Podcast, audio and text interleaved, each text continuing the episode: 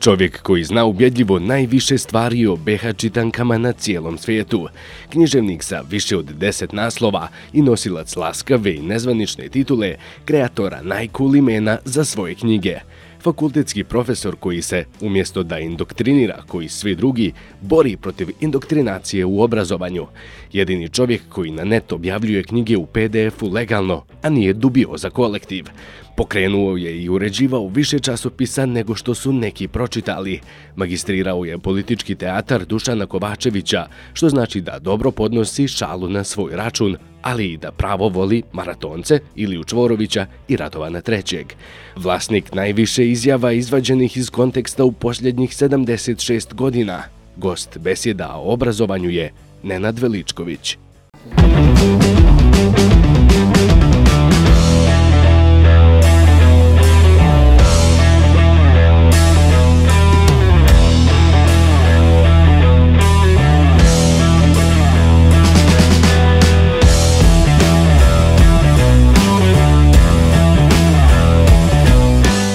Dobro večer i dobrodošli u četvrtu epizodu treće sezone Besijeda, meni posebno dragu jer druga Nedima nema.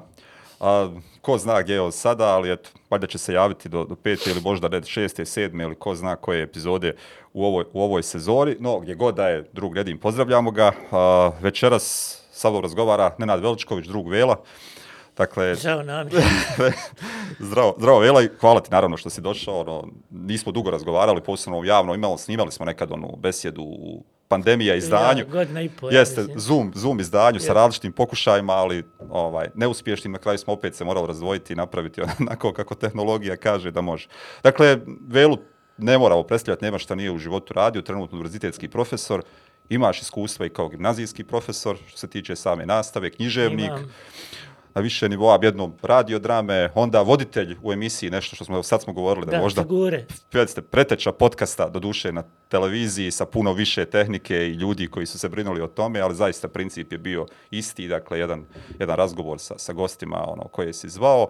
O, neko ko se bavi obrazovanjem ono, u zadnjih 15 godina, vrlo intenzivno, portal školegijum, sve, dakle, vrlo, vrlo bi teško bilo nabrojati sve što se radi. Kako se? A, očito po glasu ovaj, čuješ da ne baš dobro. Mm -hmm. ovaj, upravo sam izašao iz neke upale sinu, sad mm -hmm. opola i opola sam ovaj, još u njoj. Mm -hmm. Ali eto kao, ide nabolje, sporo, ali... Može se razgovarati, može, može. može se razgovarati. Kroz nas. U u ovoj večerašnjoj emisiji razgovarat ćemo o mnogo stvari, tema, naravno, tiču se obrazovanja jer je publika naša vezana za, za upravo tu temu, ali ćemo spomenuti knjigu koja će tek izaći u ovom elektronskom izdanju. Krenut ćemo početkom, na početku tom, ono, s tom knjigom, a kasnije ćemo naravno i sve ove druge teme koje su bitne i važne. U rukopisu knjige, dakle, u ovoj prvoj verziji, radnoj verziji, je školstvo u slow motionu, kažeš, neće biti taj naziv. Da, sad se, mislim, to je knjiga koju sam ja završio uh, mislim nekad ovaj početkom septembra uh mhm. -huh. i onda sam je dao nekim ljudima na čitanje i na nekakvu korekturu, lekti, lekturu i dogovorili smo da ćemo je objaviti u PDF uh mhm. -huh. verziji na portalu Školegijum u ediciji Lektira narodu. Knjiga je dosta debela, ispala skoro 300 strana, a, a u stvari je čine tekstovi, uh, desetak tekstova koji su već bili objavljeni ili na portalu Školegijum ili recimo na portalu Centra za javno pravo, dakle tekstovi koje se ja pisao u, u proteklih 4-5 godina, mislim od, svi su od 2017. na mhm. ovamo, a, i koji su povezani po tome što se bave politikom obrazovanja. U kantonu Sarajevo najviše. Uglavnom u kantonu Sarajevo, ali već mi je pomalo i dosadilo da ovaj objašnjavam da većina stvari koje vi mm. ovdje pronađete ili zaključite da se to može prenijeti ne samo na Tuzlanski kanton, nego može i na Zagrebački kanton i Beogradski. Dakle, prosto ovaj, mi živimo u vremenu u kojem obrazovanje je takvo kako je, problemi su manje više svugdje isti. mislim, e, bilo mi je uzbudljivo i, i to mi je držalo pažnju zato sam uspio i da ovaj, završim to sve skupa, da iznova pročitam te tekstove kad su se našli svi skupa na jednom mjestu, pa vi vidite ovaj kako se donosi zakon o obrazovanju, kako se to radi laički, glupavo. Da, to ovaj zakon iz 2017. Jest, u jeste, bez, ono, bez, bez, bez nekog istraživanja prethodnog šta, šta tu stvarno ne valja, što treba popraviti. Dakle, kampanjski, stihijski, na silu, nepismeno i tako dalje. Onda se pratite rad ministra koji po tom zakonu ovaj treba da radi, pa ne znam, ono, neke stvari odmah provodi u djelo neke do kraja mandata, nije iako je bio obavezan. Pa onda u vezi sa tim korupcija, pa onda malo, malo je priča ušla i ne baš previše u, u recimo uh, način na koji se donose neke odluke u ministarstvu. Mm -hmm. Sjećam se, to je meni inače draga priča iz kolegijuma kad su djeci podijeli, ne znam koliko, 15-20 hiljada nekih albuma kupujemo domaće, domaće da, a onda unutra reklama za, za Volkswagen ili ovako, ne za auto. Pa dobro, neki pa, dijelovi se i proizvode, zaista a, u BiH da, djeca da, da. ne kupuju auta. I onda sam ja nekako bio tad ovaj, i, i raspoložen i uporan da saznam ko je to odobrio i kako. Onda ne, čim malo uđete u to vidite da tu nema ni, ni, ni, ni, ni, ni volje ni pameti. Osim volje naravno da se nešto što bi mi ovdje rekli zavrne ili da se nekome učini preko tuđih leđa ali ovaj ali mislim biće zanimljiva knjiga naporna za čitanje jer ja sam to ovaj to se može nazvati recimo primjerom ovaj lingvističke forenzike. To takođe ovaj objedinjuje te tekstove zato što su uh, uh, praktično se bavili bukvalno iskazima recimo ljudi na na na skupštini. Sad gleda ja sam gledao ono odgledao snimak skupštine koja je trajala 11 sati po tematske skupštine posvećene obrazovanju. Da, da, da. I onda nekako, mislim, ono, pratite dinamiku, ono, pratite šta kamerman radi, mislim, stvarno, to je ovaj, sad nekom je to strašno zanimljivo, ovaj, nekom je će to vjerovatno biti dosadno, ali te, ono, imate neke ljude, njih 30 koji tamo ovaj sjede i koji odlučuju bukvalno za, za njihov mandat pokriva 4 milijarde, je li tako, ili koliko? Da. Šta, ali, da, da, da, više, milijardu i nešto je budžet, dakle preko ja. 4 milijarde. E pa eto. Preko 4 I onda, milijarde.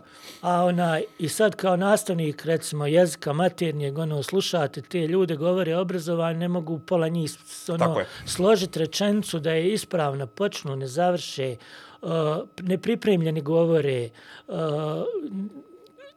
na replike ovaj ne, ne, ne fokusiraju se na suštinu iskaza na koji repliciraju, nego se ono, pozovu na to pa pričaju nešto svoje. Mislim, prosto ono, i naslov radni, to obrazovanje u slovu mošnu, je upravo uh, trebalo da najavi šta ja radim. Ono, mm -hmm. Puštam usporene snimke. Dakle, ima ono rečencu i onda tu rečencu usporimo i gledamo šta se u njoj Pažljivo dešava. da vidimo šta je. Jeste i u tom smislu o, mi se čini da ja sjećam da smo mi prije možda godinu i pol ili dvije ovaj razmatrali jednu ideju pa očito nije tad bila zrela da ovaj da sjedimo recimo ovdje i da ovaj uživo pratimo skupštine kad se kad se tiču obrazovanja ili nešto i da komentarišemo kao nastavnici jezika i književnosti, izjave, način mišljenja, nesposobnost da se formuliše mišljenje. Mislim da su imali posla. ja, i mislim, da, to nas je uplašilo, vjerovatno. Evo, ta, ta knjiga ova, ima glavnom objavljene su stvari, ali sad kad su skupljene na jedno I mjesto tekst, i kad su grupisane tekst. onako malo po, po temama, ovaj, rade posao na neki drugi način, a onda sam tu dodao i neke tekstove dva, ovaj, jedan zaključni koji sad praktično poentira cijelu -huh. tu priču i ta izbor i jedan dugi koji se tiče analize zajedničke, jezgre iz 2000 i ne znam koje, 13. 13. Za bosanski hrvatski jeste, jeste, sa ishodima učenja. Time sam se bavio jedno mjesec i po dva. Uh, prosto sam postavio sebi pitanje zbog čega tako dugo vremena treba da se nekakva reforma uh mhm. -huh. započne, ne da se proje, samo da se započne, zašto toliko otpora ima i među roditeljima, i među političarima, i među nastavnicima, i e, šta njih odbija.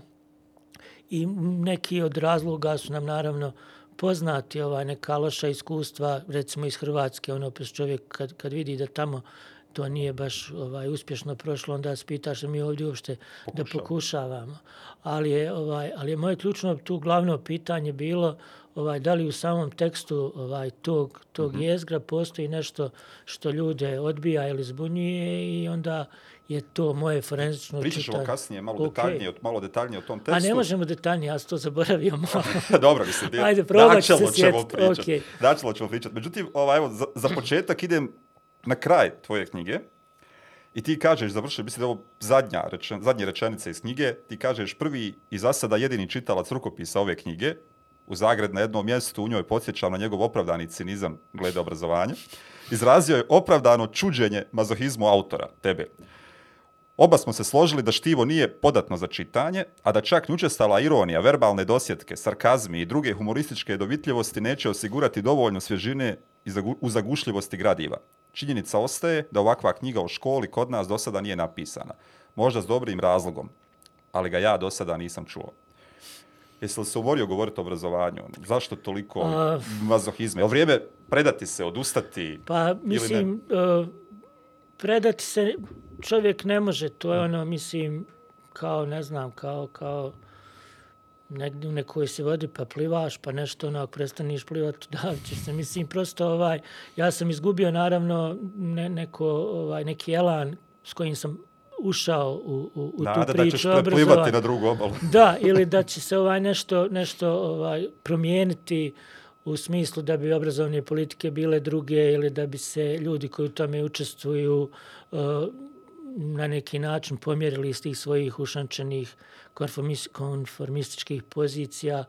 Međutim, ništa od toga i, i nekako je vremenom i, i, i sve i gore bivalo nekako sve, sve manje razuma u priči o obrazovanju, ali, ali sam shvatio da, ovaj, da, da sad više nije stvar u osvajanju nekog prostora, nego u odbrani onoga što, što još uvijek imamo. I, mm.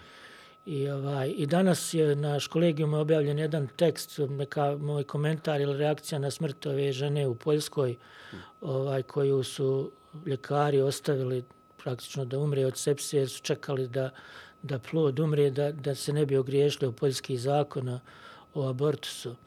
I, ovaj, I ja sam našao u, u jednom istraživanju, zajedno smo to uh, radili prije par godina, čemu ne učimo djecu, ovaj citate iz naših udžbenika vjeronauke koji zapravo se ni u čemu ne razlikuju od I to od naj, najviše udžbenik za katolički vjeronauk koliko da, se ja da, sjećam da, da je vrlo eksplicitan. Da, bio. da, da, da, da. I ovaj i nekako ovaj mislim bez nade da to može ikoga doteći, ali zapravo se pitam, ono, evo sad vi ste roditelji, imate čerku koja ima 11 godina, čita takvu glupost udžbeniku vjeronauke i ništa.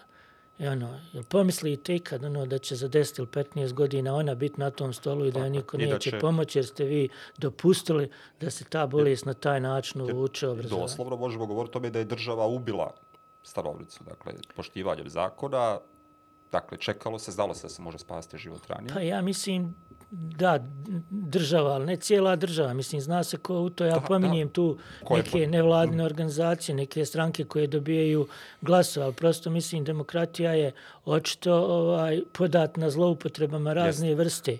I to što se ovdje govori o potrebi da se mijenja izborni zakon, po mojom mišljenju, iz, iz loših razloga, ovaj, ali to da, da, da se na, na izborima krade, to da se u kampanjama vara i radi šta se radi, dakle...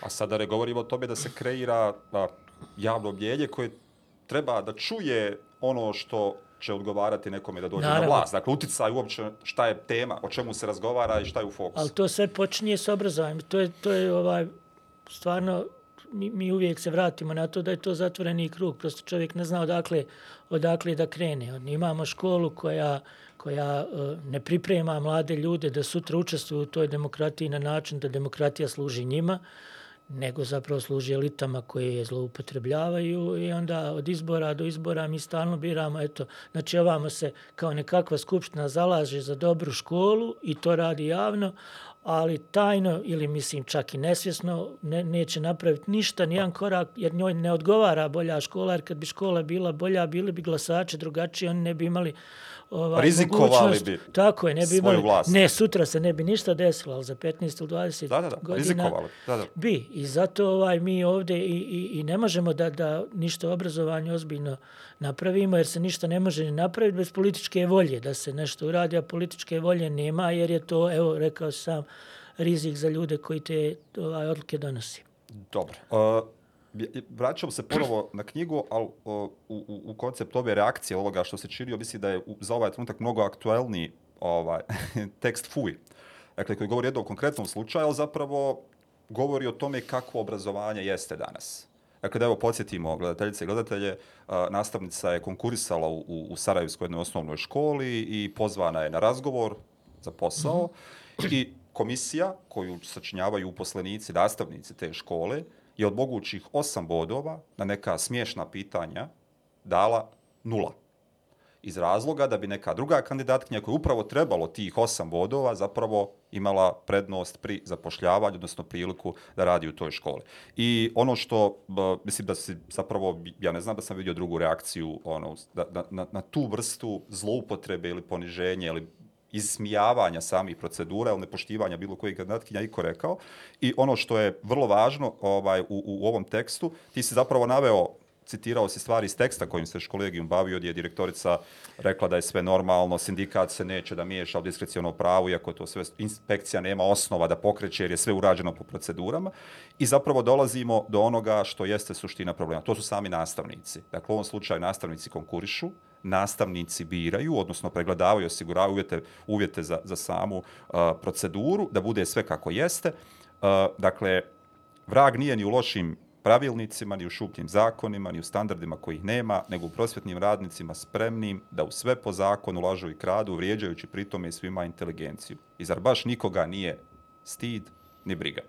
Uh, Mostoji li način da nastavnici u ovakvom okruženju, kakvom jesu, kakvom rade, čemu su sve izloženi, a budu ti koji će promijeniti oko, ili makar započeti promjene unutar obrazovnog sistema? Pa ja mislim da uh, je svaki nastavnik za, odgovara pred svojom savješću za ono što radi, s čim ulazi u razred i s čim izlazi iz razreda. I kao i za ove doktore u Poljskoj, mislim, država i zakon nije opravdanje za njih. Mislim, oni imaju neku etiku koja je iznad, uh, pogotovo iznad glupih zakona. Ovaj, tako da oni su mogli isto tako pomoći toj ženi spasiti njen život, pa onda odgovarati za nepoštivanje zakona, pa bi verovatno ti ljudi izašli u manjem broju na trgove da brane njih, a ne da, da, da, da, da žali za tom ženom. Tako da ja mislim da ta vrsta nekog izbora etičkog ili moralnog šta će se učiniti, da je to na nastavnicima. Ja vrlo često u školegijumu govorim da je škola obrazovna odgojna ustanova, a odgajati se ne može diktirajući šta su ispravne vrijednosti, šta je dobro, šta je zlo ili pričajući brojke. pokazati primjerom. Tako je. Dakle, ono, mislim, mi nećemo imati hrabru djecu ako nastavnici nisu hrabri. Djeca neće govoriti u javnosti ako nastavnici ne govore u javnosti. Ako nastavnici lažiraju konkurse da bi primili sebi dragu ili omiljenu osobu, djeca će lažirati ocjene i prepisivaće. Dakle, prosto ne padaju takva djeca s neba. Ona se takvom ponašanju i ono Uče. o čemu svi govore, dakle, danas ne znam, kao sve generaciju, generaciju generaciju dolaze djeca koja sve manje znaju i kad odvadimo to da se promijenio način učenja, da je pažnja odlazi na, na telefone, na ekrane, na Dakle, zanimljive stvari se djeci nude. Mislim, ko zna šta oni uče tamo dok mi ne gledamo u šta oni gledaju. Ali ipak jedan dio njihovog života je vezan za odrasle i za školu i pogotovo taj dio u kom se oni tek formiraju i prosto ovaj to što su sve što sve manje znaju, što sve manje pažnje imaju, to što sve, sve, sve teže se koncentrišu na ono što treba napraviti, to nije, mislim, hmm. nije se rodili s tim, to su oni vidjeli negdje da to tako prolazi i da je to dobro. I sad, ovaj, ali ne bih, eh, ne bih eh, sve svalio na nastavnike. Mm -hmm. To jeste, da, ovaj, činjenica je da, da, da eh, se i to da se bude nastavnik jednim dijelom uči jednim dijelom se čovjek za to rodi, ali to gdje se uči da se bude nastavnik, to je također vrlo problematično mjesto na mnogo načina. I tamo se također ne uči i ne pominje često ta odgovornost nastavnika da kad izađe prez neku djecu, da sam sebi prvo mora objasniti šta on tu radi i koju će korist djeca od tog njegovog obivanja tu imati, nego se svi sakriju iza nastavnog plana i programa, iza nekakvog zakona i zato mislim da je ta knjiga potrebna ovdje, jer ona pokazuje da zakoni nisu dobri, ona pokazuje da pravilnici ne valjaju, ona pokazuje da donosioci odluka donose odluke zato što imaju, kako bih to rekao, potrebu da, da ovaj da zarade nešto, da korupcija stoji vrlo često iza toga. I kad govorimo o korupciji, ne mislim samo na da neko nekome da novac iz, iz ruke u ruku, nego se trguje i privilegijama i to što ljudi čute, to njihovo čutanje na neki način plaćeno. Tako da ovaj mislim da, da, da, da ključna stvar nije u tome da, da nastavnici sami od sebe teško, ovaj, nemaju oni resursa za to. Pojedinačno, naravno, svako može. Ali mislim da, da, ovaj, da tu nedostaje, recimo, jakih i ozbiljnih udruženja, dakle, nekih, nekih grupa nastavnika koji su se udružili upravo po toj želji da, da, promijene da, da uvjete u kojima stvari, rade. Da jedni druge zaštite u ovakvim situacijama, da, ne znam, svi su pročitali tekst fuj, ok, ono, na Facebooku bude lajkova i kad da, me neko sretni, to je, ali ne znam, da je bilo 20-30 nastavnika ovdje koji se drže i kojima bi se to zgadilo, oni su mogli reći, pa nećemo držati nastavu dok to ministarstvo sad Tako ne je. riješi, dok evo, da kažemo da se tu ne može ništa, ali dajte sutra ono na toj skupština donese preko noći glupi zakon da se uvede dodatni rok na fakultet, pa valjda skupština može donijeti isto tako neki dodatak na zakon da se to kako se primaju ljudi u školu promijeni. Mislim, Više vidimo... je studenta koji glasaju nego nastavnika Ha. koji traže posao. Pa vjerovatno, mislim, ima naravno ovaj dobrih opravdanja za to. Ali, ali mislim da da su ovaj ključna, ključna stvar je po meni ovaj, zato što možda je to neka vrsta, neću reći samo kritike, ali to najbolje poznaje. Mislim, možda najveću odgovornost tu nose upravo fakulteti koji ško, dakle, nastavni smjerovi. Mislim da oni moraju da otvaraju ta pitanja. Nas, Sad sam se prozvao akta, akademsko šarlatanstvo. Da, dakle, da. kada knjigu si napisao, još jednu, sad ne samo obrazovnoj Da, prije kantonu dvije godine. Sarajevu, Da, jeste, da. koja je govorila o ovom akademskom nivou, dakle, odganja nastavnika, ljudi koji drže nastavu, objavljuju naučne radove, pokazuju koliko znaju ili ne znaju, pr- procedure koje provode da bi došli do nečega i čitajući ono tvoju knjigu, nama nema, nama nema nade nikakve niti spasa. Dakle, to su ljudi koji stoje iza ono, diploma u većem dijelu, oni izdaju ono, dokument da je neko sposoban da uđe unutar same učionice, a to što oni njima pokazuju primjer, ovo što sam malo prije govorio, Da. je to, dakle, da mogu biti šarlatani ako izgovaraju prave riječi na pravom mjestu, što se očekuje, imat će i posao, i status u društvu, i ugled i tako dalje. E sad to je ovaj, mislim moja poenta je da je akademska zajednica još uvijek uživa neku vrstu autonomije i dosta ovaj i privilegija ide uz to. I da ja mislim da da li je sad to inercija ili nešto, ali zapravo je država ili ova zajednica je tu autonomiju i te privilegije dala tim ljudima. Jedini razlog zbog kojeg to treba uraditi i jedini motiv da, da je zajednica to tako i postavila jeste što bi ti ljudi trebali da budu neka vrsta kritike vlasti, korektiva vlasti. Dakle, ako, sam, ako ja već imam autonomiju da mi vlast ne može nešto ozbiljno naštetiti za razliku od drugih, ne znam, nastavnici su tu u tom smislu ipak izloženi i, i, i upravama škola, i ministarstvima, i inspekcijama, i roditeljima, i javnom mnjenju. Mislim, to je nastavnici ovaj, na nastavnim smjerovima na fakultetu, ipak ne, oni su ono što bi rekli samozatajni. O, ali, ali o, o, jedino opravdanje za, za te privilegije koje imaju je bilo bi to da uh, kad vide, prvo da malo gledaju gdje mi živimo, pa kad vide da nešto u tome gdje mi živimo nije dobro, pa kad vide da dio toga što nije dobro ima veze s njihovom strukom ili s njihovom naukom, da onda vide šta tačno nije dobro, pa kako se to što nije dobro može popraviti, pa da onda gledaju da se to popravi. I naravno da se stvar može popraviti tako što kad shvatite da nešto obrazovanju nije u redu i da recimo nas nastavnički poziv je degradiran, da studenti generacije, generacije studenta izlaze, pa kada sretnu na ulicu nakon 5 ili 10 godina kažu da gotovo ništa korisno na fakultetu nisu naučili, nego sve iznova morali kad su se zaposlili. A to kaže i na nekim drugim fakultetima. Dakle, kad nam to neko kaže, mislim onda zašto smo primali plate ako ti studenti nisu to naučili na fakultetu. Ja se sjećam da smo i to isto to, ovaj, taj, taj događaj, tako kažem, ili slučaj pomenut u toj knjizi, kad sam prije jedno deseta godina možda htio da mi napravimo jednu vrstu istraživanja na našem ocijeku književnosti naroda BiH i BiH je sve to za mene jedna Isto. ista stvar, da dakle da da pokušamo preko društvenih mreža i na druge načine, kroz druge vrste kanala, da okupimo što je moguće više naših studenta, bivših generacija, ona za 10-15 godina i da postavimo neku anketu sa dosta ozbiljnim pitanjima vezanim za njihovo iskustvo rada u školi i za njihovo iskustvo studiranja i šta je bilo na studiju dobro, šta nije, šta oni misle da bi trebalo na studiju da bude, a da nije bilo, to je stopirano na ocijeku. Dakle, mislim, ništa nije, ono, našli smo novac za to, našli smo ljude koji bi to radili.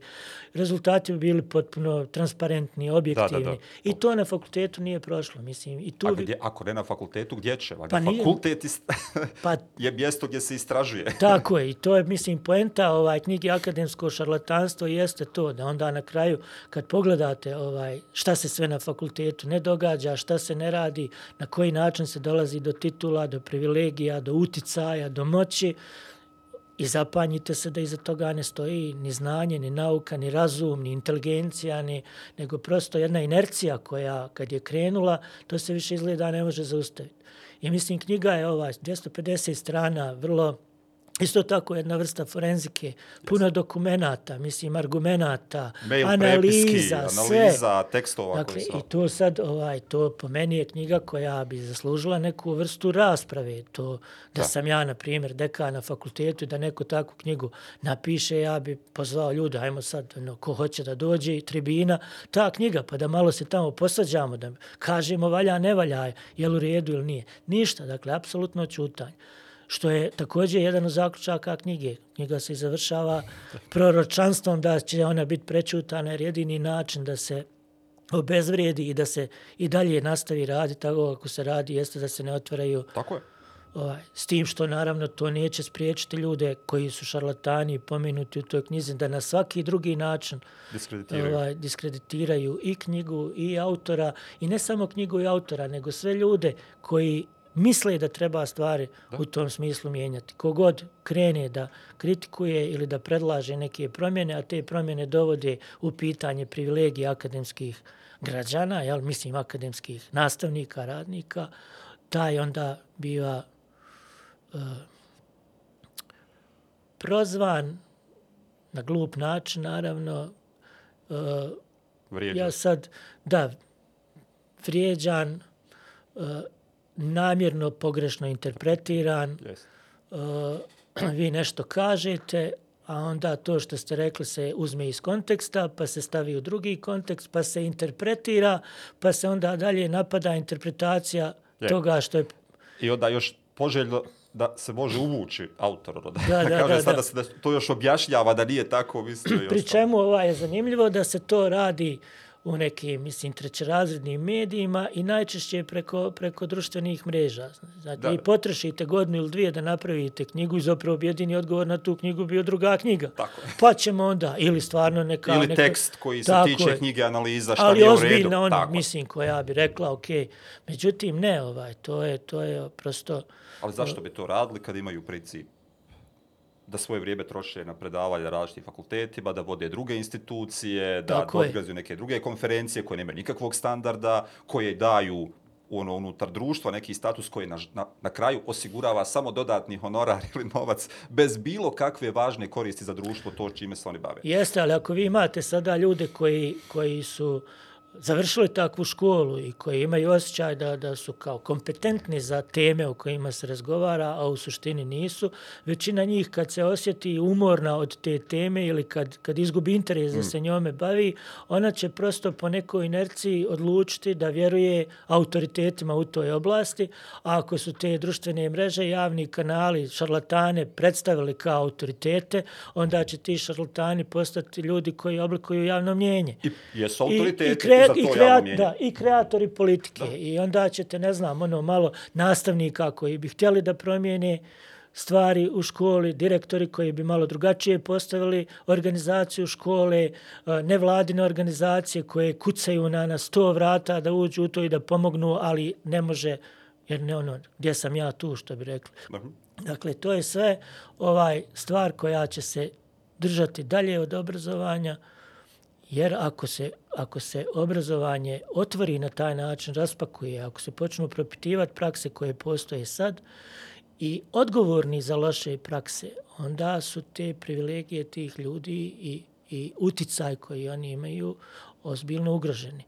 I naravno da oni to neće, dogod mogu, neće dopustiti bavili smo se različitim zajedno, različitim nivoima političkog odlučivanja u obrazovanju. Hvala Bogu, toga je na milion nivoa, dakle, gdje god da krenemo. Uh, borili se s recenzentima, čitali šta su pisali, čitali rukopise koje su drugi ocenjivali. Uh, pratili to što govore u, u skupštinama, javno što izgovaraju i pisali o tome i uh, čini mi se opet da smo nekako s najviše pažnje posvijetili kantonu Sarajevo, bez obzira na ono sve druge. Ovdje se i nešto i govori o obrazovanju, kao pokušava se nešto raditi, vjerovatno zato što ima i najviše novca i što se želi neke stvari promijeniti, bojim se na pogrešan način. Jedna od tih stvari jeste i prije dvije godine, čini mi se sjednica, tematska sjednica Skupštine da, kantona da, da. Sarajevo, gdje se ono, gdje donese ozbiljan niz zaključaka sa preciznim rokovima do kada će se nešto uraditi raditi i nakon te sjednice se činilo da bi mogli nešto makar od tih zaključaka uraditi. E, evo, i sad u, u knjizi uh,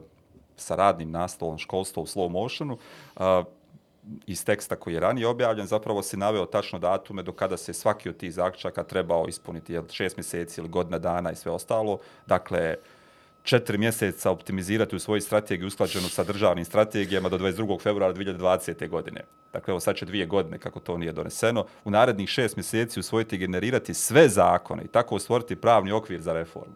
April 2020. nije se desio. U narednih 12 mjeseci izraditi model licenciranja prosvjetnih radnika kao mjere za obezveđivanje kvalitetnog nastavnog kadra do 22. oktobra 2020. Evo godina prošla, nemamo ni to, niti imamo bilo kakav rad na tome. Stvoriti uvjete u kojima će biti poštova autonomija akademske zajednice, to se poštuje, evo sad smo čuli, dakle, to, autonomija besprijekorno radi. U narednih 12 mjeseci ustanoviti fondaciju za razvoj naučne istraživačke djelatnosti.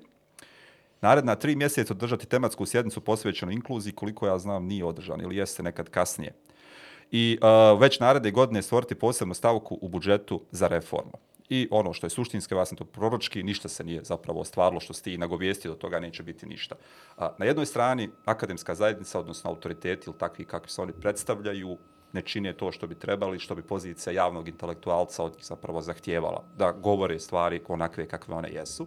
S druge strane, političari koji su birani zato da naprave bolje društvo, da donose odluke koje će popraviti stvari, u ovom slučaju ono što nas zanima samo obrazovanje, zapravo opet pravi nekakav teatar, privid nekakve Dobro, ali tu ćete, izvijeni, prekinuti, ali zapravo ovaj, ne znam da je i jedan od tih 30 ljudi u Skupštini izabran zbog toga što je rekao da će nešto sa obrazovanjem mm -hmm. raditi. Ne mora se obrazovanje generalu, da popravi društvo, ali su imaju pa, neke dobro, programe koje ali, ovaj, daju. Ali meni je to uvijek bilo e, čudno i čudno mi je i dalje da mi nemamo ni jednu, mi smo u kolegijumu par izbora ovaj, dakle, zadnjih osam ili deset godina, mi obično napravimo u vrijeme Pregled. izbornih kampanja, mi pitamo sve stranke, šta one misle u narednom mandatu ako dođu na vlast, šta one misle u rad sa obrazovanjem i uvijek dobijemo samo ovaj par listova, floskula, da, da, da, da. nepromišljenih stvari. Koje su poprilično jednake, malo se, da, rijetko ono, se razlikuje, nema bez obzira koja je da,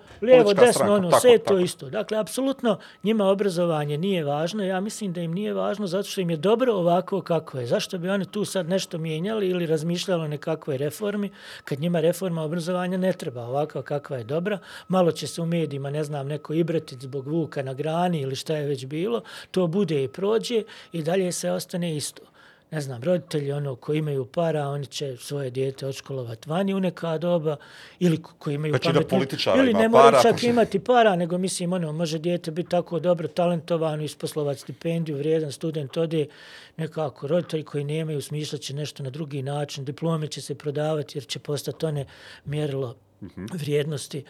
Tako da, ono, zašto bi se tu išta, išta mijenjalo? Ja mislim da je to ovaj problem i, i, i, i I pitam se hoće li nakon ne znam, ovih vaših besjeda, nakon činjenice da reforma najavljena, evo tu ti su ljudi obećali nešto, pa nisu ispunili. Hoće se i jedna stranka prepoznati, hoće li prepoznati da je obrazovanje izuzetno važno i da se na obrazovanju može praviti ne samo izbor, platforma za, za izbore, nego zaista ono... Društvo mislim, drugačije, koncept, sa vrijednostima drugačije. Koncept rada stranke koji će, koje, koje će u zapošljavanju i o, ne znam, integritetu države Bosne i Hercegovine, o svemu tom je govoriti, ali iz perspektive obrazovanja. Tako je.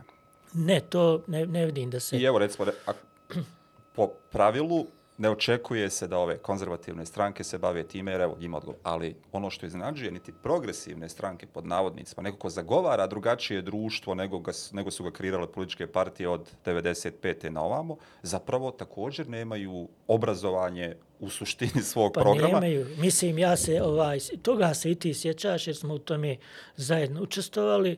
Sad ne znam je to bilo prije deseta godina, ali ja sam posljednju iluziju da SDP je stranka koja je nešto bitna drugčija od ovih ostalih izgubio kad su oni u jednom trenutku imali ministra, federalnog ministra obrazovanja da, da, da. i to u vrijeme kada se, uh, uh, uh, kada su se usvajali, donosili, izrađivali učbenici koji su trebali da odgovaraju idejama reformi iz 2003. koja u suštini nije ništa bitno drugačija da. i od ove koja je sad. I kad sam, kad sam na kraju vidio koji je u stvari odnos uh, ministra iz te stranke je bio prema pitanjima obrazovanja i kako se on prema tome odnosio i šta su rezultati ovaj bili. O tome postoji jedan od najdržih tekstova obravlj, meni ovaj, objavljenih na naš kolegium je tekst koji si ti pisao i u kome pričaš svoj život nastavnika i njegov život uh, političara. političara, rođeni, ne znam, iste, iste godine, godine je, je. ko je šta radio i ko na kraju šta ima u trenutku kada on tebi čestita dan učitelja. učitelja. Dakle, ta vrsta licemjerstva i ovaj, mene su, mislim, par puta iza toga različiti ljudi pozivali da, da ne znam, budem u nekom timu, mm. ne znam, neke u, u, u, u toj stranci. I ja svaki put rekao, nema šansi dok javno ta stranka ne kaže da je... Ogradi Da ogradi od toga šta je on radi, taj ne izgubi sve funkcije i pozicije u toj stranci i na taj način pokažu da im je stalo do obrazovanja. Mislim, ja tu mogu biti navijač neki sa strane, Da, da, da. Za druge stvari, ali za obrazovanje. Zaista, ja isto govorim iz svog iskustva i razgovora sa strankom u trenutcima kada sada puštao reformu i razgovora i sa tim, ono, u biti ja sam shvatio da tamo nema ljudi koji zanima obrazovanje, koji razumiju obrazovanje i koji žele učiniti nešto da promijene politiku svoje stranke, da usmjere ka tome da to bude važno ili bitno. Mislim, ti si pomenuo sa tu čuvenu sjednicu desetosatnu jeste, ovaj, jeste, tematsku. Jeste, sam sjedio unutra. da, sjećam se. Ovaj. I to je isto, mislim, bilo tamo, tu se pojavila neka, pojavila se ranije, ali tu je provedena u dijelo ideja prvo da se odvoje obrazovanje za ovaj visoko. O, visoko da se odvoji ministarstvo što isto tako bilo bez ikakve dobre argumentacije, jer ovamo imate 50 škola, vrtića, ne znam nija, i neki broj ljudi, a ovdje imate jedan univerzitet, još dva, tri privatna i nešto što se zapravo može riješiti. Mislim, Pričemu posebno, ministarstvo ne može čak ni uticati na odluku mislim, univerziteta generalno. Ni, ni da treba tu ovaj neko ministarstvo tog tipa, ali ono što mi je bilo još zanimljivije i što sam, na što sam reagovao i, i još uvijek se nerviram, to je bila uh, ideja uh, da se definitivno dotuče prosvetno-pedagoški zavod a, a, i da se zamijeni nekakvim više institutom Institut za nešto. Za ovaj, ne znam kom je uopšte to palo na pamet, ali znam onako sa strane da je ključni razlog da se to radi bila neka kadrovska ili personalna politika. Neko se odnekle nije mogu maknut, a nismo ga htjeli. Da, I pošto ga ne možemo maknuti sa mjesta šefa te institucije, mi ćemo sad uništiti instituciju da bi drugog čovjeka našeg doveli u neku drugu instituciju koja bi se trebala baviti tim stvarima. Ja mislim da je prosto, evo recimo, to bi, to bi za, za kantonalne izbore uh, mogla biti jedna od ključnih platformi stranke koje je stvarno stalo do izbora, obećanje da će napraviti, e, kako bi, obnoviti prosredno-pedagoški zavod. Ne mogu više ukinuti, osnovali institut odluku. Osnovati ga ponovno, mislim. Onaj, dakle, znači, i koji bi pa kao, poslove. Skupština koja ga je ukinula, sastani se kaže, sad opet ćemo imati. E, sad, je, sad je samo važno, ne bi to, možete zvati pedagoški pa, zavod, dobro, institut, samo da ne bude ovaj, pe, stari pedagoški zavod u kojem će opet neki ljudi koji niti imaju zdanja, niti znaju šta će se obrazovanje, zapravo su bliski sa nekim drugim ljudima koji odlučuju biti uposlenici. Pa dobro, ali gdje su, ovaj, gdje, su, gdje su ljudi koji imaju znanja? Mislim, gdje su sad ti, gdje... Ja ne vidim ko ih može okupiti na jedno mjesto, ako to nije prosjedno pedagoški zavod. Dakle, neko ko prati praksu, pa onda kaže evo ovaj praksa ovo valja ne valja. pa ode na fakultet pa kaže imate li vi rješenje za ovo? Pa onda ne znam razgovara sa sindikatom pa kaže pa pošalje ljude negdje da vani vide kako su u Finskoj. Pa dakle neko Ali, mora biti neko to su sve radili. Dakle sa pedagoškim zavodom je sve to bilo. Išli su da vide kako obrazovanje u Finskoj kako su u Sloveniji organizovali te te stvari. Imali su ono ovdje edukacije kako će praviti. Učestvovali su u pisanju zajedničke jezgre. Samo dakle, jednu stvar što... preskočio. Jesu to bili ljudi koji su znali. Pa da, ali isto je ovdje. Dakle, dakle isti ista je situacija. Mora se graditi institucija iz početka. I naravno da ljudi koji će raditi ili u pedagoškom zavodu ili negdje nisu za to maksimalno školovane, poznaju svoju struku, ali to je druga vrsta rada. Nisu više ne, nisu nastavnici koji rade s djecom, nego su nastavnici koji trebaju da pomognu drugim nastavnicima da bolje rade s djecom. Dakle, da se brinu o kvalitetu obrazovanja. I naravno da zato treba dodatno znanje koje to ali, mogu steći. Da, ali mislim, tu ima jedan resurs koji isto tako ostaje za sada po strani, a taj pedagoški zavod vidim kao mjesto koje će stvarno biti uh, uh, kapija kroz koju će nevladine organizacije Absolutno. ulaziti Absolutno. u sistem. Ne kako ko hoće i nekad ne, hoće ne. i ne na način na koji se prodavale ublehe poput, Tako ne je. znam, ono obrazovanje ba i takve stvari, Tako nego zaista mislim... Oslovna ba. O, ne zaboravili. Bilo je tih ono ba raznih, ali, ali dakle, neko uh, uh, ima nastavnika koji znaju i koji Tako hoće je. promjene i koji već imaju godina iskustva i koji, koji možda, ne znam, sad ja improvizujem, ovaj, ali možda mogu imati neku pola norme u školi, a pola Evo. norme je tamo, ili možda mogu uzeti četiri godine, pa do, ili možda i možemo prebaciti. A dakle, je. ljudi koji imaju iskustva, koji imaju volje, koji imaju znanja, Tako koji bi trebali doći tamo... I, ali šta je tu zapravo nedostaje? Nedostaje ozbiljna vizija šta mi hoćemo s obrazovanjem pa da onda kažemo, ok, sad mi želimo da naše obrazovanje u narednim godinama će biti tako i tako. U našoj prvoj fazi, da bismo došli do tog cilja, radit ćemo te i te stvari. Zato su nam potrebni ti i ti ljudi. Ok, nemamo resursa za to i to, raspišu javni poziv, ko je spreman da pomogne obrazovanju od nevladnih organizacija? A ko raspiše? Ko, ključna Pedagoški stvar... zavod. Dakle, ili institut, ili bilo ko, dakle, stručno tijelo. Zato i kažem. I tu je taj problem. Do sada je ono bilo, ja imam projekat za nevladne organizacije, pokucam na vratu ministarstva, mogu li sa deset škola, oni kažu super, može, i neko tamo nešto radi, nastavnici idu godinu dana, dvije neke obuke, nešto primjenjuju, završi se projekat, odoše. Nakon tri dana dolazi novi projekat u istu tu školu, istom nastavniku, e sad ćeš probati nešto malo ovako. Dakle, to je besmisleno. Istrpljuju se ljudi, troše se besmisleno pare, uh, nerviraju svi ti koji bi htjeli nešto da rade, kaže, sam budala više, što radim, to gubim svoje vrijeme, ono, neko drugi ko neće, ne radi to ništa, nikoga ništa ne obavezuje, zato što ne postoji bilo kakva ozbiljna obrazovna politika koja zna šta hoće sa školom. A sad ne govorimo o politika koja hoće bolje škole, kvalitetno obrazovanje, a ne ne znam neke, neke druge stvari. I o to bi ti pišeš zapravo ono čitave ove primjere koje si i navodio, ne sad samo niti u šarlatanstvu, niti u, u ovoj posljednjoj knjizi u slow motionu, nego i generalno i ranije stvari kojima si pisao, kojima se bavio učbenicima i tako da, dalje. Da, pa eto, ta studija slučaja, sve za me otvori se, zajedno smo je napravili. Ona isto tako govori o praktično o korupciji na najvišem nivou vezano Vrlo za učbenike. Vrlo jasno i vidljivo.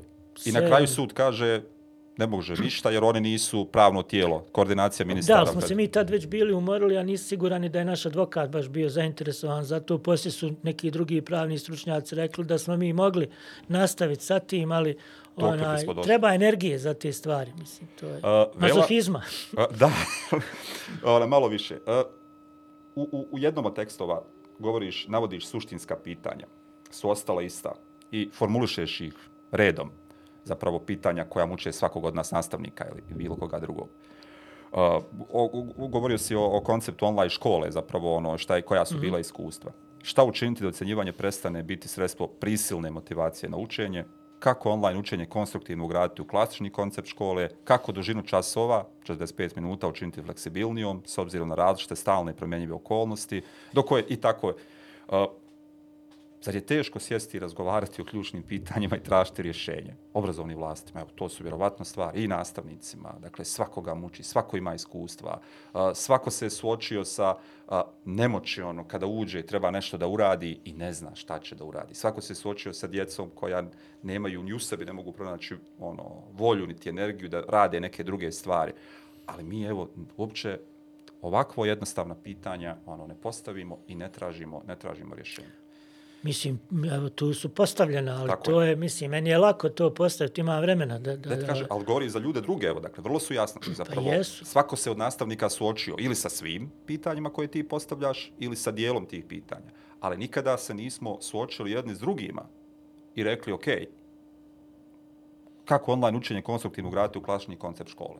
Hajde vidim, evo imamo neko iskustvo online nastavi. Šta su bile prednosti? Pa to bi mogao taj prosvetno-pedagoški zavod, dakle neki ljudi koji bi postavljali takva pitanja javno, glasno i koji bi onda tražili odgovore na ta pitanja, ali koji bi imali vrijeme, resurse da se time bave. Ne možemo mi očekivati, ne znam sad, od ljudi koji imaju svoje porodice, pa onda moraju pisati pripreme, pa onda idu ovaj, u razrede, pa drže nastavu, pa onda roditelji imaju svoje zahtjeve, pa onda, ne znam, taj strašni pritisak od te inspekcije da je li nešto napisano kako treba ili nije. Dakle, to je jedan pritisak koji uzima strašnu snagu ljudima i sad osim toga još se vi trebate povezati povezivati s nekim, pa se sastajati, pa dogovarati, pa praviti neke planove, pa imati vizije. Dakle, ubijeno je to ovaj, mm. u ljudima i to se ubija već 20 godina. I, i, i, I nekako je teško tražiti od tih ljudi da se, da, da, da, da se time bavi. Zato ja mislim da to može doći od akademske zajednice, jer tamo ima vremena i kapaciteta da se takva pitanja postavljaju da se na njih odgovara. I novca. I to i novca. I to može doći iz, iz, iz politike, dakle iz stranaka stranaka koje bi najzad trebale da shvate da je obrazovanje ključna stvar, ključno pitanje. I da onda oni odvoje svoje kadrove, da oni odvoje svoja sredstva i da onda vide gdje i šta kako mogu da urade da se to počne ozbiljno rati. Ja mislim da je prva stvar, dakle, pedagoški zavod. Ili, nek se zove institut, institut. nebitno. Ali, dakle, jedno tijelo za koje ćemo znati i oko koga ćemo se složiti. Da, da je čini... stručno, Tako da želi biljati obrazovanje, da zna šta je kvalitetno obrazovanje i da ima neka od mogućih rješenja kako da Jest. to postigne. I imati, ne znam, na umu, mislim, prosto ovdje smo malo, malo pa neka reforma. Ja razumijem ljude da su da, se razočarali, da su se zasitili, da stalno neko nešto novo izmišlja, a sve to onako na kraju se pokaže nekakva ubleha. Izgubili su povjerenje i u politiku i u struku i zato je to sad teže sad nego prije 15 ili 20 godina jer se nagomilalo loših iskustava i primjera pogrešaka mm -hmm. koje se nisu morale desiti, ali sve desile. I kogod se sad toga prihvati, to je sve teže i teže da bilo šta napravi i treba sve više i više vremena. Jer imaju sad naslage promašaja i pogrešnih koraka. Isto ko sa bolešću, mislim, ne. ono, kad prije reagujete, već je šanse da ćete nešto kod većine bolesti. Je. Ovdje samo se odlaži. E, ovaj, e, obećao sam na početku ovog izdalja besede da ćemo razgovarati o ovom novom tekstu u knjizi Školstvo u slow motionu, dakle o zajedničkoj jezgri nastavnih planova i programa. I evo, e, koliko ja znam, dakle, ova reforma koju smo mi radili je temeljena na, na zajedničkoj jezgri uh, sa ishodima učenja koje je radila Agencija za preškolsko osnovno srednje obrazovanje. I tvoj tekst zapravo, koliko ja znam, je prvi ozbiljniji tekst koji propituje samu konstrukciju zajedničke jezgre. Uh, ti se duše bavio samo s zajedničkom jezgrom za materni jezik, da, da. dakle, oblasti maternijeg jezika, ne druge. E sad, šta je problem sa zajedničkom jezgrom? Imali prednosti tako postavljena zajednička jezgra sa ishodim učenja za, za materni jezik? Je li ona osnova da bi se mogla raditi reforma obrazovanja za jezik? Ona jeste osnova kao ideja. Dakle, ideja da mi nešto zajedno, da djeca zajedno, mislim da, da postoji zajednički plan i program za svu djecu u Bosni i Hercegovini je nešto što bi trebalo biti izvan svake diskusije. Prosto zašto bismo dijelili djecu da, da radi da slušaju tri lažne priče, kad mogu slušati tri, sve tri zajedno, pa sami da shvate da je to laža, onda vjerovatno i da pitaju, dobro, šta stvarno je, jeste. Tako da ja mislim da u tom smislu taj napor ili ta ideja, to, to, je, to je potpuno uh, potrebno. Međutim, ono što, što sad, to je davno bilo, ja se ne svih detalja, ovaj, radio sam to u aprilu ove godine i onda je to ušlo u knjigu, u knjizi više nisam ovaj, -hmm. se na to vraćao jer je bilo svježe, ali koliko se sjećam, taj dokument ima negdje 45 strana i o, na početku su ob, obično budu uvijek neke floskule i nešto obećanja, mi bi ovo, mi bi ono, imaju neki iskazi o tome šta će se desiti u toj jezgri, posle se pokaže da se ti iskazi ne poštuju ili da skaču neke kontradiktornosti i onda ide nekakva tabela koja bi kao trebala da bude dosta jasan pokazatelj šta ćemo mi u kom mhm. uzrastu, sa kojim ciljem uraditi. I tu nekako počne, recimo, ne, ne, smisleno, I pošto je to vjerovatno radilo mnogo ljudi, i pošto nije bilo vremena da se to napravi, i pošto jedna ruka nije to sve ispeglala na kraju, onda je ostalo da negdje imate neki ishod opisan kako treba, a negdje neki ishod prepisan od nekle drugo, tako da recimo imate jedno je čitanje, a drugo je na primjer pisanje. A vi vidite da isto formulisano i čitanje i pisanje... Ili čitanje za književni tekst, čitanje za informativni jest. tekst. No, dakle, uh, mislim da je tu problem sad to ne tvrdim, jer toliko mm. daleko nisam išao, ali tamo je potpisano ispod te zajedničke jezgre 40 nekakvih imena sa titulama, sa nema odakle ti ljudi nisu došli i vjerovatno ti ljudi imaju i neke, neki kredibilitet da se time bave, ali očito nisu, koordinacija nije bila kako treba i mnogi od njih su u, u, u to ušli, uh, ja mislim više po inerciji ili po to ne, neko rekao moraš pa su oni onda otišli da nešto tu naprave. Uh, prosto premalo je struke u tome. Dakle, mm. i to sad govorim kao neko ko ipak živi i bavi se književnošću, prosto uh, uh, kao da je spušteno odnekle, ne mm. znam, mm. iz Arizone mm. je spuštena uh, tabela. Iz Ohaja. Evo, Ohaja. I onda su nam rekli, ok, evo vam ta tabela, ovo su vam neki principi, vi sad to popunite, nećemo vam se mi miješati u to vi sami. I onda su došli ljudi koji niti imaju iskustva sa tabelama, takvim, mm -hmm. nisu se prije time bavili, improvizacija jedan, a onda su došli ljudi koji su uglavnom cijeli život radili na stari način. I nisu uopšte promišljali o tome kako bi se književnost i jezik mogli inovativno ili drugačije u skladu sa vremenom. I to je improvizacija dva.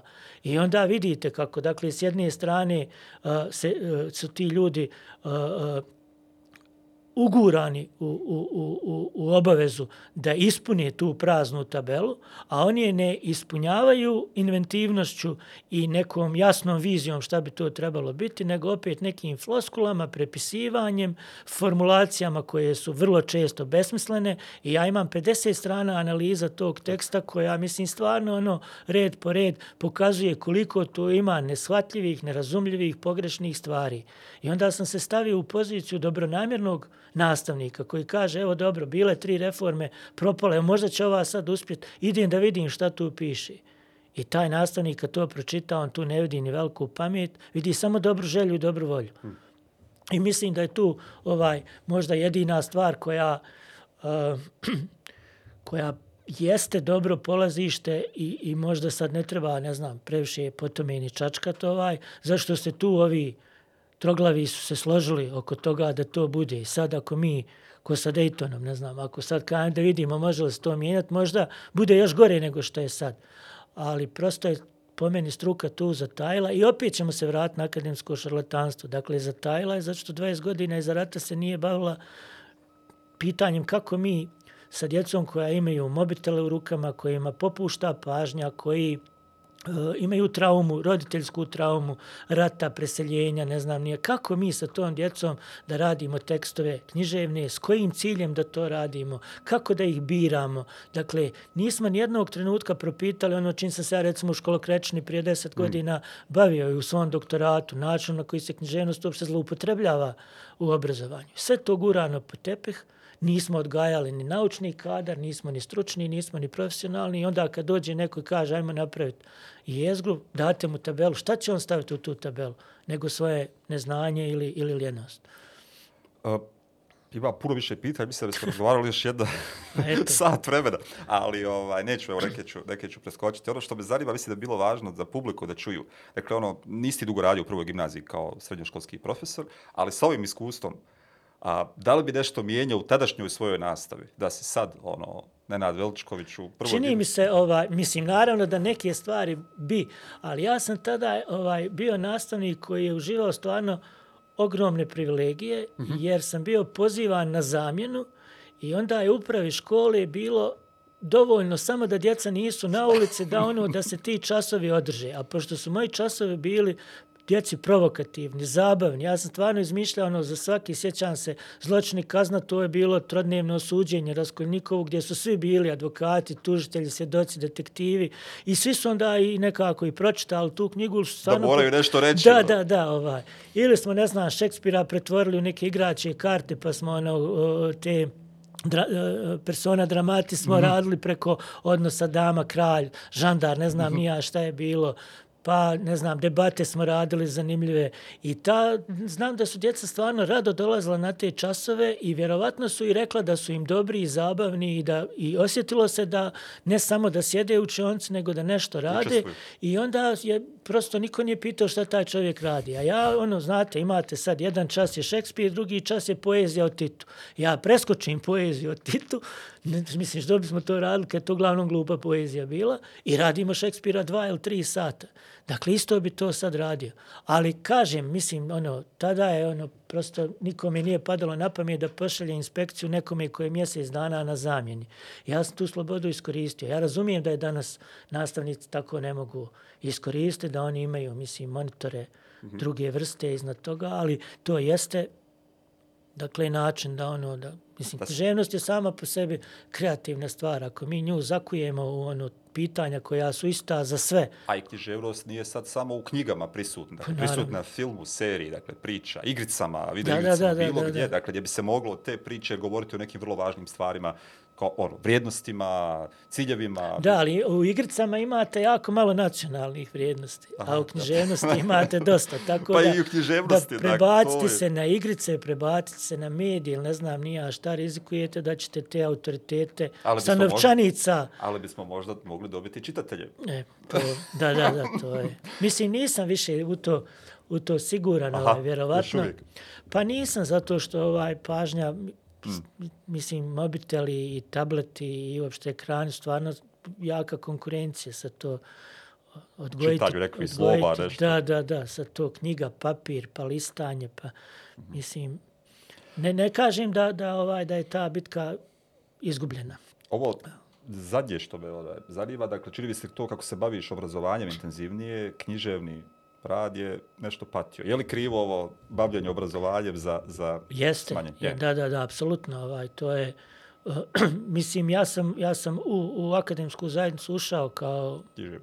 recimo, poznata firmisan književnik i to me na neki način sačuvalo onog uh, regrutskog statusa. Dakle, profesori su me odmah prihvatili kao sebi ravnog i ja sam već kao sent imao veliku slobodu da sam formulišem teme svojih časova, naravno dogovor s profesorom radim, ono, i tako da, da, da, mislim, iako sam bio asistent, nekako sam od početka, evo, nastavio da budem taj Asaj. srednjoškolski profesor i da, da, ovaj, i onda roditeljsko iskustvo me dovelo do, do pitanja šta se to u školi dešava, mislim, dakle, kao roditelj koji zna šta je književnost, prosto sam vidio da to što u čitankama piše nije to što ja znam da je književnost, pa sam onda otišao, došao do doktorata, pa do školegijuma i tako dalje.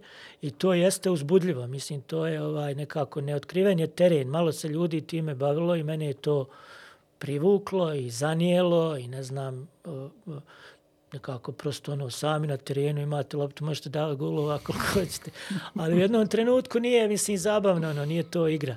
Ovaj, sad mi je malo dosadilo to da, da, da nema, ovaj, niti da, ne, ne samo da na toj nekoj protivničkoj strani nema, nema ovaj, igrača, nego ni sa mnom u timu i ono nešto nisu došli da se dodajemo, nego prosto ovaj, soliraju. Pa da, a, a istovremeno jako bitni i dragi prijatelji su mi rekli da da, da nema smisla da je sada odnos uložene energije i onoga što iz toga dolazi previše na štetu moju i energije i da je već dovoljno urađeno u tom smislu da sad treba sačekati neku reakciju na to i da se ja vratim u književnost i ja sam Vraci. se vratio ovaj, i mislim kako su te ovaj reakcije prve izgleda mm -hmm. na dosta uspješan način. Promocija u Beogradu je bila? tako? Bila je mala, ali lijepa, prije jedno dvadesetak dana. Roman od dvjestotinjak stranica, zove se Koncerti za obovu. Ja se nadam, ako ovaj ne bude nekih lockdowna do kraja mjeseca, da bismo možda pregovori su u toku, ovaj, da bismo u Sarajevu mogli napraviti neko mm. čitanje te knjige, eventualno malo priče Može o li se tome. kupiti knjiga u Sarajevu? Mislim da u Bajboku, Ima. pa ja sam im ostavio pet primjeraka prije desetak dana. Prodali su tako, se, ne? ne, nisam siguran. mislim, ne, ne, to je, ja sam jedan jako zanimljiv pisac, ono, svi su ga čitali, ali ku, kupovali u Bajboku malo ko, ovaj, Dobro. Onda odu u Beograd pa kupe. Mislim, ja sam svim prijateljima rekao, ja ovaj, imam kućnu biblioteku, kogod hoće mm. da čita knjigu, a ne želi da je ima, može posuditi knjigu slobodno. Za Kindle. Ne, ne, Šalim se. papirnu. Papir, šalim se. I uh, ono što smo uveli od ove sezone, Nedim ja, evo za kraj, naravno nisam jedno pet pitanja postavio koje jesam, ali evo birali smo. Ono što smo uveli mi kao rubriku jeste da naši gosti i gošće predlože dvije knjige za čitanje. Objasne kratko zašto.